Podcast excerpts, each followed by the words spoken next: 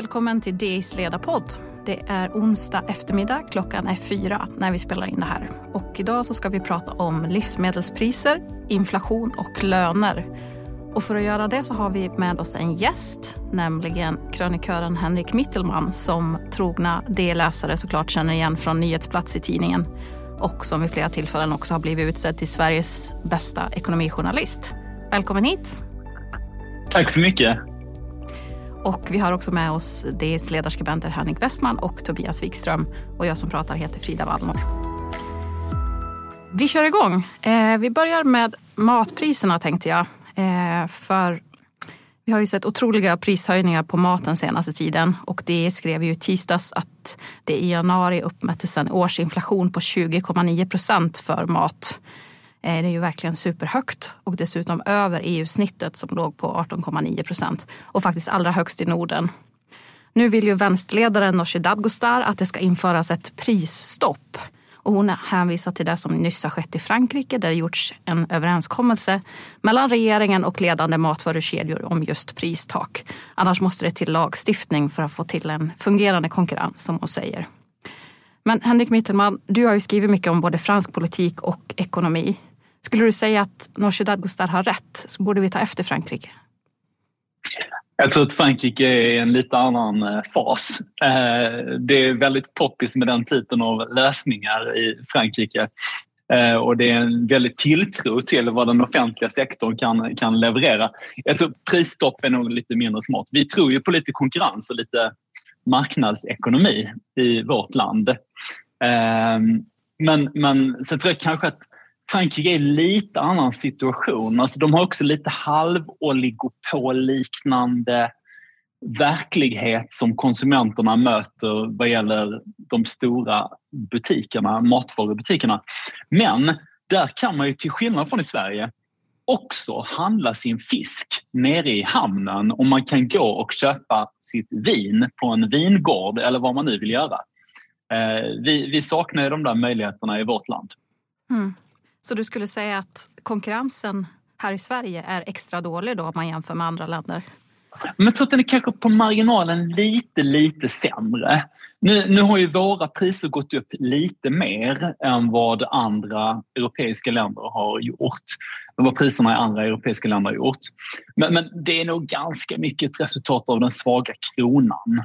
Och den har ju, innan vi startade den här sändningen så pratade din kollega Henrik Westman och jag om hur gamla vi har blivit. Ehm, under vår livstid har ju kronan försvagats hela tiden. Alltså de senaste 50 åren har ju kronan trendmässigt försvagats så det är klart att vi får lida av det som konsumenter. Mm. Får komma tillbaka till det här med kronkursen lite senare när vi ska prata om Riksbanken. Men, men Henrik Westman, eh, om vi lämnar Vänsterpartiet och tittar på fakta då. Vad skulle du säga har så svenska handlare saltat priserna mer än vad inköpspriserna motiverar?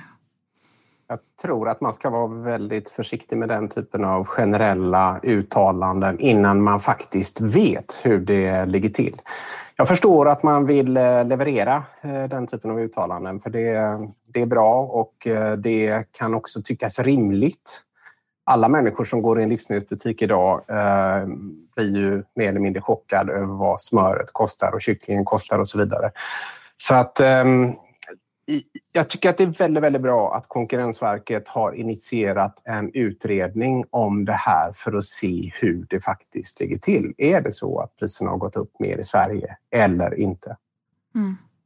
Och vad skulle man då göra om de kommer fram till att, de har gått, att, det, att det finns någon typ av fuffens här? Förespråkar ja, det... du franska lösningar? Nej, det gör jag inte. Jag är helt enig med min, eh, med min namne eh, på den eh, fronten. Och det blir väldigt, väldigt intressant. Hur kan man i så fall agera för, om det går att belägga, vill säga, hur kan man i så fall agera för att motverka det? Mm. Och det återstår väl att se. Eh, men det är klart att det skulle vara en skräll om Konkurrensverket kommer eh, fram till det. Inte minst för att handlarna själva har ju sagt att vi, vi har drabbats av väldigt, väldigt höga kostnader och vi är tvungna att försvara våra marginaler och därför för vi de här kostnaderna vidare till till kund. Eh, och det är ett helt rimligt agerande. Men det är klart att det inte är rimligt att eh, ta tillfället i akt. Eh, och det är förstås naturligtvis lätt att misstänka. Och därför är det så bra att det utreds om det har skett eller inte. Mm. Samtidigt så, jag menar, på andra, på aktiemarknaden till exempel så, så bejakar man ju höga marginaler. Jag tycker lite grann att man glömmer bort den diskussionen. Alltså, företag vill ju naturligtvis tjäna pengar. Och jag tänker på det ibland när jag handlar på mitt lokala fiskrökeri nere i Skåne. Då gnäller jag lite på räkpriserna och då viftar expediten med armen och säger ja, ja men du vet, Ukraina. Och säger, vad fan, räkorna kommer väl inte från Ukraina heller? De kommer väl från Henrik Westmans hemstad? Ja, det gör de. Ja. Um, och då tänker man att det där funkar ju inte. Vi kan inte hålla på och diskutera kostnader. Utan priset som Rune Andersson, näringslivsnestorn, industrinästorn Rune Andersson, han skrev en bok för ett år sedan om, om sina erfarenheter i näringslivet. Och då, så, då skriver han bland annat att priset är vad kunden är villig att betala. Det tycker jag är bra. Mm. Priset är vad kunden är villig att betala. Och uppenbarligen är jag villig att betala högre pris på den där räkan. För det finns ju ingenting som motiverar att räkpriset är så mycket högre. Jag menar dieselkostnaderna, nej, de har inte gått upp. Eh, finns det något annat? Ja, det kan vara elpriset möjligen i, i disken där i rökeriet som skulle kunna motivera något. Men strunt i det. Priset är vad kunden är villig att betala. Och det är därför frisörerna har, har höjt priset. Mm. Och det är därför räkpriset är högre. Erik Thedéen, riksbankschefen, tycker ju att att konsumenterna borde hjälpa till med den här inflationsbekämpningen genom att leta sig bort från dina dyra räkor och köpa eh, Lidls väldigt billiga räkor istället. Eh, alltså Henrik Westman, alltså, ligger det någonting i det här? Skulle det kunna ha någon form av effekt tror du? Ja, det tror jag att det kan, absolut. Jag menar, ta den senaste inflationssiffran Eh, som ju faktiskt ökade rensat för en energi och där, där just matpriserna pekades ut som en stor drivkraft bakom inflationsuppgången. Så det är klart att om, om alla förmås att konsumera mindre eller köpa billigare varor så påverkar det också efterfrågan och eh, då måste ju priset justeras nedåt. Så det är klart att det, det kan ha en effekt. Jag tycker det, det ja, jag har full förståelse för det. Jag tycker det är bra och jag tycker att den här diskussionen som initieras av hans uttalande är Ja, den är, den, den är kul och välbehövlig. Mm. Elisabeth Svantesson, finansministern, sa ju i princip samma sak också några dagar ja, senare. Ja. Men nu har ju Erik Thedéen då tagit tillbaka det här eh, och sagt att ja, ja, om jag har trissat upp en diskussion som har tagit fel vändning så backar jag hellre. Ja, ja det, det kanske han gjorde för att han är ny riksbankschef och inte vill eh, så att säga, framstå som en, som en fullständig buffel ännu. Mm. Eh, men men jag tror väl snarast kanske att han blev lite missförstådd. Eh, och sen fick han ju kritik från eh, branschorganisationen Livsmedelsföretagen. Mm. Eh, att, att det här han sa skulle kunna uppfattas som att man inte ska välja närodlat eller som Henrik Mitterman är inne på, svenska räkor utan, utan några som är fångade i Norra ishavet av av något, någon, någon annat land. Mm. Eh, och jag tror liksom att det han var ute efter var att initiera den här diskussionen och den tror jag är, är väldigt bra. Jag tror inte det var hans avsikt att, eh, att hamna i någon sorts diskussion eh, kring svenskt kontra utländskt. Mm. Och sen tycker jag också, jag menar, vi, vi anpassar oss så bra. Vi, vi har blivit liksom, masters of disasters på så många olika ställen. Vi hade pandemin och då började vi jobba hemma. Nu går vi ut från Östermalmshallen och in på Lidl. Vi slutar med oxfilén och börjar med falukorven. Det är inget fel med det. Absolut. Det, det sänker inflationen.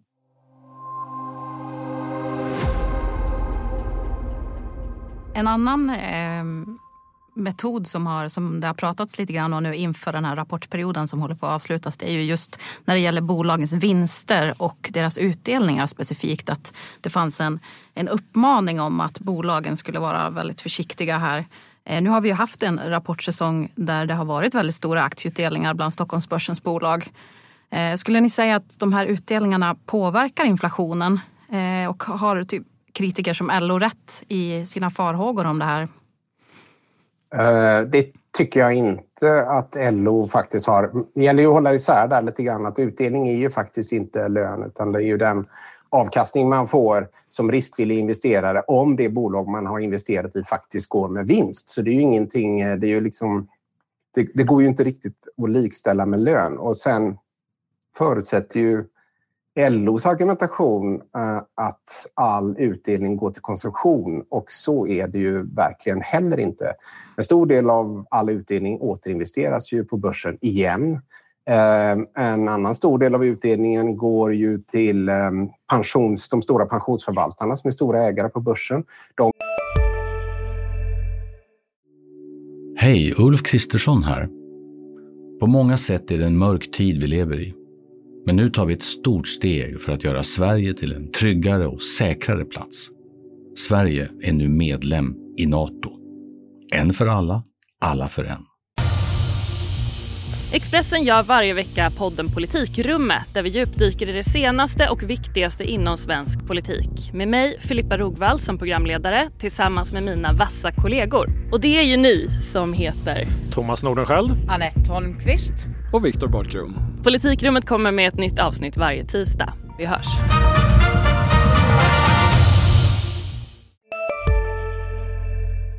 Man använder utdelningen för att betala pensioner, inte minst till LOs eh, medlemmar. Och sen har man en tredje orsak som, eh, som är viktig att tänka på. Det är ju de svenska forskningsstiftelserna som också är stora ägare på börsen. De är ju väldigt beroende av utdelningen eh, och utan den så skulle man ju inte kunna hålla igång den vassa forskning som, som Sverige har. Och jag, jag, tror väl istället att man ska ta fasta på det väldigt positiva budskapet som de här eh, ökade utdelningarna faktiskt är. Det visar ju någonstans att bolagen är eh, optimistiska, eh, både på kort och lite, lite längre sikt. Annars skulle de ju inte våga genomföra de här höjningarna utan då hade de ju sparat i ladorna. Mm. Eh, men nu har vi ju den inflationen vi har, även om Erik Thedéen då spår att den kommer att gå ner framöver. Och, men de, de flesta verkar ju tro på en ytterligare höjning av styrräntan nu i april. Vad säger du Henrik Mitterman, eh, gör Erik Thedéen rätt om han höjer, säg med 50 punkter nu i april? Får han rätt? Kommer inflationen gå ner efter det här? Ja, men jag tror att inflationen är på väg ned och det handlar väldigt mycket om att vi konsumenter eh, köpstrejkar vi håller lite hårdare i kreditkorten. Och då kommer man att vara tvungen att rea ut lite olika varor. Och man kan ju notera här i Stockholm att det reades ut lite julpynt redan före julafton. Så det där är nog redan på G. Så att jag tror att vi kommer få se en ganska betydande nedgång i inflation. Och sen ska man inte heller glömma bort det där att inflation är ju prisökningar. Det vet ju de flesta av våra lyssnare. Men jag tror att det är viktigt att komma ihåg det där, att det är prisökningar. Om priserna står stilla i ett år så blir inflationen per definition noll om ett år. Och nu är det en rejäl nedgång i till exempel globala matpriser. 11 månader i rad har de globala matpriserna fallit. Sen har vi lite problem med den svaga kronan och det där, men alltså tids nog så kommer även ICAs marginaler att vara tvungna att krympa. Mm. Eh, när man pratar just om eh, globala kostnadsläget, och så, det här är ju verkligen en, en, global kris men det pratas ju ganska mycket om att det slår hårdare mot Sverige och EU-kommissionen eh, kom ju nyss med sin prognos för, för 2023 när man, när man pekade på att det kommer bli väldigt svag tillväxt i Sverige. Och det man bland annat pekar på då som orsak till det här det är ju att svenskarna har korta bindningstider på sina lån. Eh, men så det låter ju lite grann som att det här är, skulle vara medborgarnas fel att vi har försatt oss i den här situationen, att vi, att vi drabbas hårdare. Är det, en, är det en korrekt tolkning av läget? Men det tror jag i någon bemärkelse. Alltså vi, det kommer gå fortare i Sverige. Det går fortare nedåt, det går det fortare och det går fortare uppåt. Men, men det behöver inte betyda att det är sämre på sikt vad gäller just detta. Vi är mer känsliga, vi är mer räntekänsliga i Sverige. Och det är som det är med det. Och det är jobbigt idag. Men det behöver inte betyda att det är så himla jobbigt om ett år. Så att, ja, jag tror att det är en korrekt bedömning att Sverige kommer att gå lite sämre i år än vad många andra europeiska länder gör. Mm. Men, men på sikt har det ingenting med det att göra. Då har vi andra problem och andra möjligheter. Mm. Och du var inne på det här med kronkursen också. Ehm, I kölvattnet av den här kronkollapsen så har vi ju en spirande debatt om en svensk euroanslutning. Ehm, Tobias, vill inte du komma in i samtalet här? Vad, vad, tror du kommer att hända i den här frågan? Är det så att den är på väg bort nu igen efter att ha trissats upp här ett tag? Nej, men jag tror att, eh, jag kan ju tycka att som medborgare och som eh, vad ska vi säga, euroförespråkare så blir jag lite frustrerad över att samtliga partier, även de som är för euro, säger att nej, det är inte tal om att den ska införas när DI gjorde en rundfrågning då i förra veckan. Men om jag tittar som politisk bedömare så inser jag ju någonstans att partierna eh, nog kanske gör en rimlig bedömning i att det här kan man liksom inte babbla löst om. Det är ju en känslig fråga. Vi har haft en folkomröstning och så vidare. Så att ska den här eh, frågan dra igång på allvar så måste det nog bli liksom en lite organiserad start på, på en, sån, en sån diskussion. Eftersom det handlar om tillvägagångssättet. Ska vi ha en ny folkomröstning eller inte? Och det får vi vid Gud hoppas att det inte blir. Eh, för det här är inte en sån fråga som lämpar sig för det. Det gjorde det inte 2003 heller kan jag säga. Men, men jag tror att någonting kommer att hända därför att kronan har fallit så mycket och näringslivet börjar våga diskutera den här frågan igen. Så att eh, det, det kommer nog att hända någonting. Men vilka vägar det här kommer... Alltså, vi, vi, gick med, i, vi gick med, höll jag på att säga. Vi, vi ansökte om ett NATO-medlemskap. Det var helt otänkbart. Eh, nu var det visserligen ett krig som utlöste detta, men nog skulle det kunna hända med eurofrågan också. Ah. Eh, Henrik Mittermall, tror du att det här med att nu vi har en ny riksbankschef, att frågan om kronkursen och en eventuell euroanslutning, tror du den kan få nytt liv eller är det samma, samma som tidigare, samma story? Jag tror att vi har ju en lång historia av någon form av devalveringsromantik och det är nästan som man tycker att vi svenskar har blivit masochister eftersom vi uppskattar lägre köpkraft. Vi uppskattar att kronan försvagas ständigt. Ehm, jag tror att den eran håller på att ta slut. Jag har stora förhoppningar kring den, un, liksom den yngre generationen. För att de, de handlar så mycket på nätet och det, då ser man direkt den minskade köpkraften. Den äldre generationen har mer liksom varit på charterresa i Grekland och då har man upptäckt att ölen har blivit lite dyrare. Men det, här märker man direkt att det här är liksom, vi, vi utarmar vår köpkraft. Och jag hoppas och tror att den devalveringsromantiken får ett slut och jag hoppas och tror att vi inte längre förblir masochister.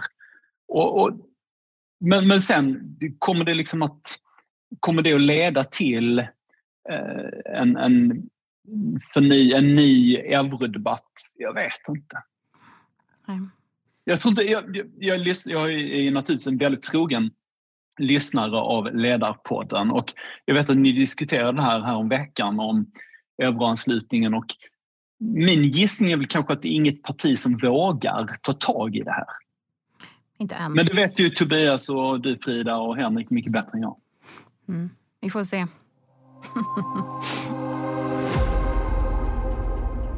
Avslutningsvis ska vi prata lite kort om lönerörelsen också. För det är ju någonting som är på gång nu i slutet av mars. Alltså senast den 31 mars måste ju ett avtal vara klart inom industrin.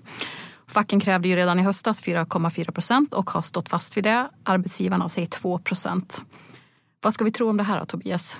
Ja, men jag är nog optimistisk därför att eh, fackföreningsföreträdare har varit väldigt återhållsamma. De har hållit fast vid det här 4,4 som ju för övrigt var ett, ett bud som de la fast någon gång i höstas. De har ju haft massor av chanser att trappa upp det här om de skulle vilja vara lite militanta men det har det, så har det inte blivit. Till och, med elekt, förlåt, till och med elektrikerna som inte ingår i det här industrigänget så att säga har sagt att ja, vi vill ha 4,4. Men sen så har de plussat på med att de vill ha lite annat vid sidan om som inte har med siffror att göra. Eh, men huvudsaken är att fackföreningsrörelsen inte plussar på de här procenten, för det finns en magi i det. Utan i så fall hellre säga att ja, men vi vill ha en till eh, ledig eftermiddag om året eller något sånt där. Va? Eh, och jag tror att det här kommer att gå bra eftersom fackföreningsrörelsen är så samlad. Mm. Vi får inte heller glömma att den ålderstigna ledarskiktet i svensk fackföreningsrörelse var med på 70 och 80-talet då den här pris, vad heter det, löneprisspiralen mm. Eh, skenade iväg som, som den gjorde. Eh, och de känner nog att om det är en tillfällig inflationstopp nu så ska vi inte utnyttja den för att, för att elda på detta. Jag är försiktigt förhoppningsfull om, om mm. deras inställning. Men Henrik Westman, vad säger du? Om det skulle bli kaotiskt i årets avtalsrörelse, skulle det kunna förvärra inflationen eller åtminstone försvåra inflationsbekämpningen? Jag tror att lite kaotiskt blir det alltid. Det hör liksom till eh, en avtalsrörelse. Det ska vara lite, lite bråk, lite hot, lite gnissel. Um, och det är klart att eh, den här eh, fruktade prislönespiralen som Tobias var inne på, den vill man ju till varje pris undvika. Men precis som också Tobias var inne på, det finns en väldigt stor förståelse bland eh, de ledande facken att där vill man inte hamna. Så jag ser det som en väldigt, väldigt liten risk. Sen, sen, kan det uppstå vissa eh, vad ska vi säga, teaterscener i en avtalsrörelse. Det kan ju, jag tror att förra eh, avtalsrörelsen som ju ändå i efterhand framstod som lugn, då var det ändå typ tio strejkvarsel, men de utlöstes ju aldrig. Eh, så att det kommer nog att vara en del tuffa tag. Eh, och, eh, men arbetsgivarna och facken vet ju hur de ska så att säga, komma ur en förhandling med eh, där båda parter kan vara nöjda eh, gentemot sina uppdragsgivare. Det är sånt som för övrigt politiker skulle kunna lära sig en, en hel del av. Eh, så att, eh, jag, jag, tror ändå att även om det kommer att bli ett strejkvarsel och man sätter eh, och, och, och hjärtat i halsgropen så att säga, så kommer det nog att ordna sig. Os, osvuret är som alltid bäst, men jag tror att många inser allvaret just nu. Ja, vi får hoppas det. Jag tycker vi sätter punkt där idag. Det har varit väldigt intressant och bra samtal. Tack alla herrar för att ni var med på kvinnodagen och allt. Eh, Henrik Westman, Tobias Wikström och dagens gäst Henrik Mittelman. Jag heter Frida Wallnor. Vi hörs igen nästa avsnitt om en vecka. Tack för att ni har lyssnat. Ansvarig utgivare är Peter Fällman.